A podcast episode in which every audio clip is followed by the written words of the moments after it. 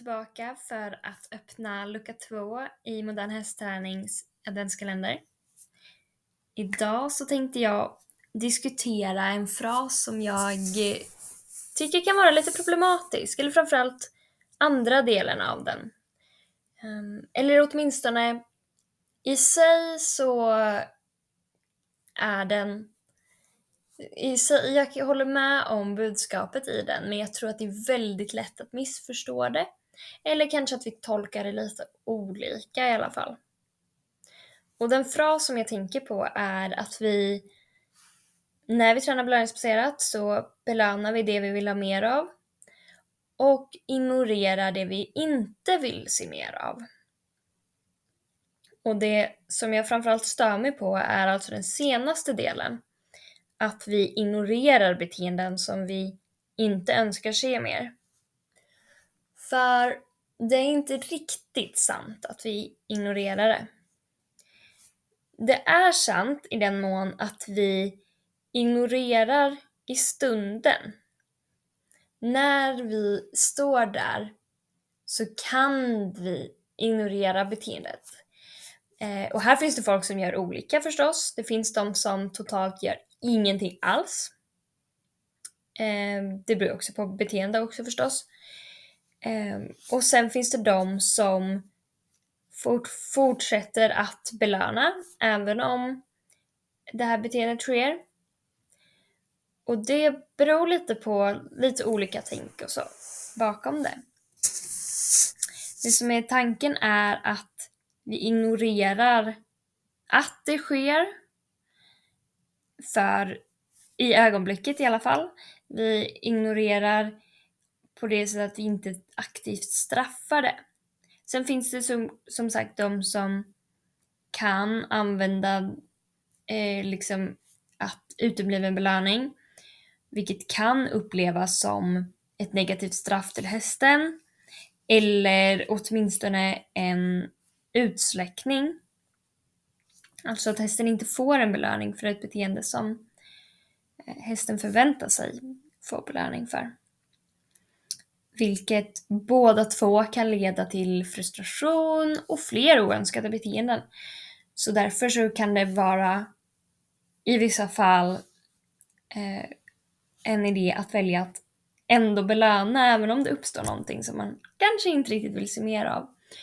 Men att tänka på hur man belönar eh, man kanske inte ger mat direkt utan ger en ny signal. Eller tar en paus. Backar undan.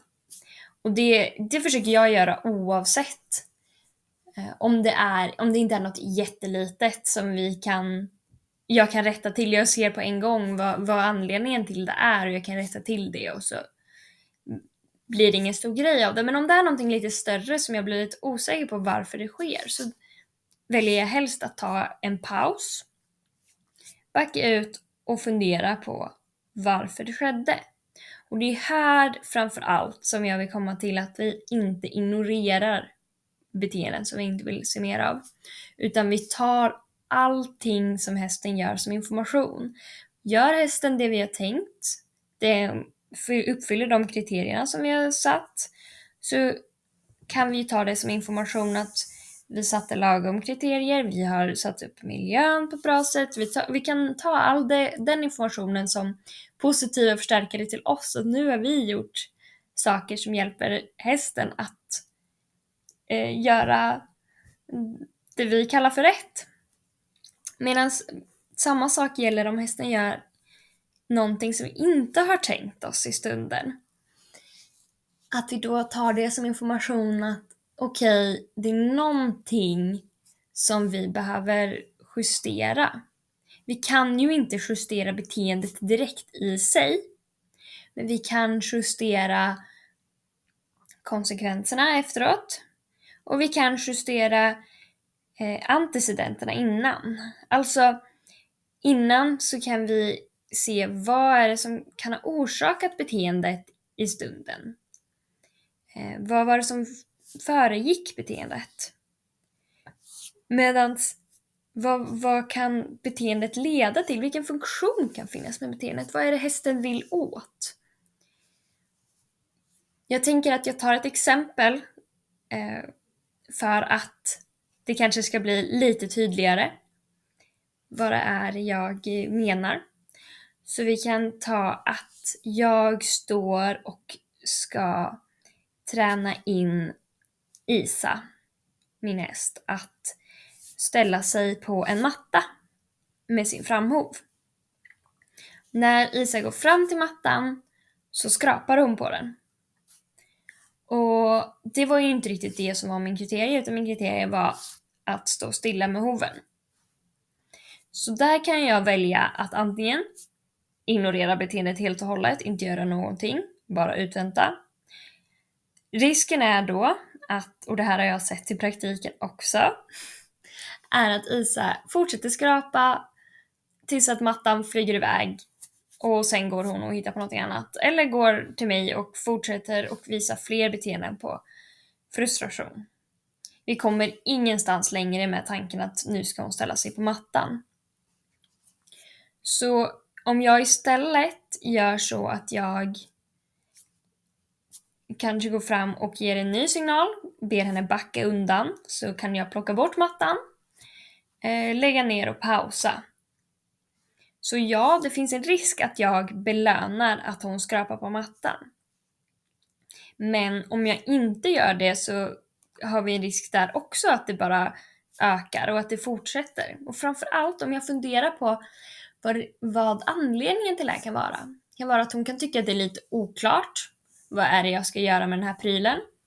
Går fram till den och har, kanske får en frustration redan från början och ett, väldigt, ett beteende som är nära till lands för Isa och som faktiskt kan vara nära till lands för många hästar i frustration och i matsammanhang är att de ja, men skrapar med hoven just för att det är ett sätt att få fram mat när maten inte är tillgänglig. Så då kan jag veta att aha, det är ju ett ganska naturligt beteende eh, som kan komma när de känner att nu kommer inte jag åt mat som jag vill ha. Och resultatet för dig i Isas fall kanske inte blir så mycket. Eller så finns det massa förstärkningshistorik bakom det också. Så kan det också vara att det är, men den här mattan har vi haft ute många gånger förut, jag brukar skrapa på den. För vi kanske övat på det här massa gånger utan att få, få till någon bra, något bra sätt att visa att du ska stå med hoven på den. Så nu kommer jag lämna er lite här och inte förklara hur jag har gått vidare med att eh, för henne att träna eh, på att stå med hoven på mattan. Ni får jättegärna skriva om ni vill höra det, ska jag berätta mer om det när jag har mer tid en annan gång. Men det man kan ta med sig då är att vi ignorerar inte beteenden i sig, men vi straffar dem heller inte. Ehm, så utan istället så tar vi det som information. Och om man eh, vill ha en liten guidning till hur man kan eh, använda den här informationen och försöka bryta ner och se vad, vilka anledningar kan det vara och vad kan jag göra åt det.